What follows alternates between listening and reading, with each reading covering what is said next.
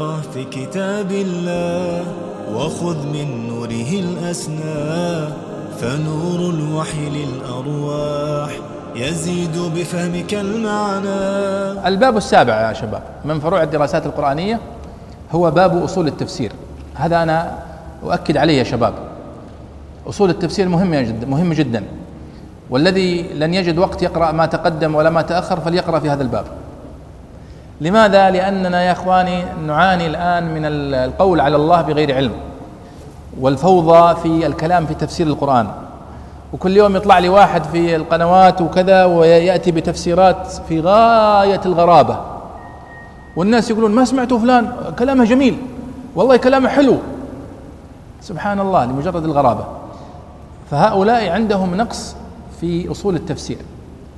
يحتاجون إلى مقويات ومنشطات في أصول التفسير. فلذلك أنا ودي تهتمون فيها أنتم وأيضا تحثون الناس على الاهتمام فيها وتشرحونها وت... يعني هذه الكتب تقرؤونها تلخصونها.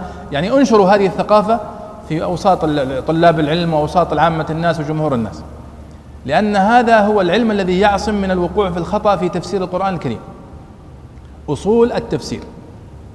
أصول التفسير. فأنا اخترت لكم سبعة كتب. سبعة كتب. الكتاب الأول طبعا بتقولون طيب مقدمة ابن تيمية ليش ما ذكرتها؟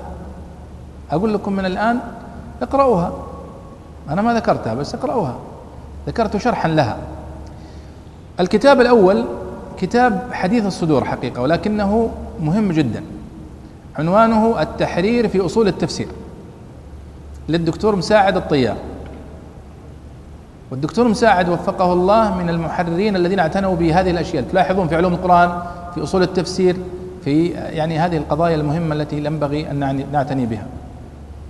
التحرير في أصول التفسير كتاب هو كتاب منهجي دراسي يدرسه الطلاب في معهد الإمام الشاطبي في جدة وطبع في معهد الإمام الشاطبي. فهو قد وضع على هذا الأساس حكمت الخطة ثم ألفه الشيخ تاليفا مستقلا عن كتابه السابق فصول في أصول التفسير.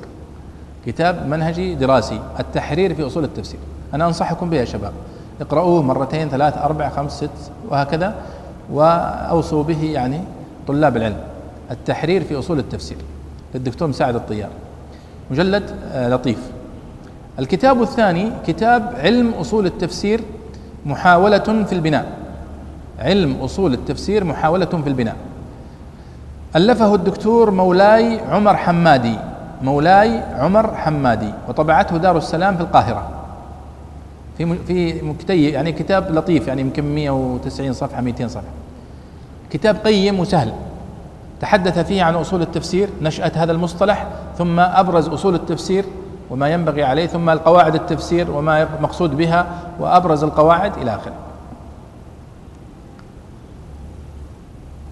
الكتاب الثالث شرح مقدمة ابن تيمية في التفسير.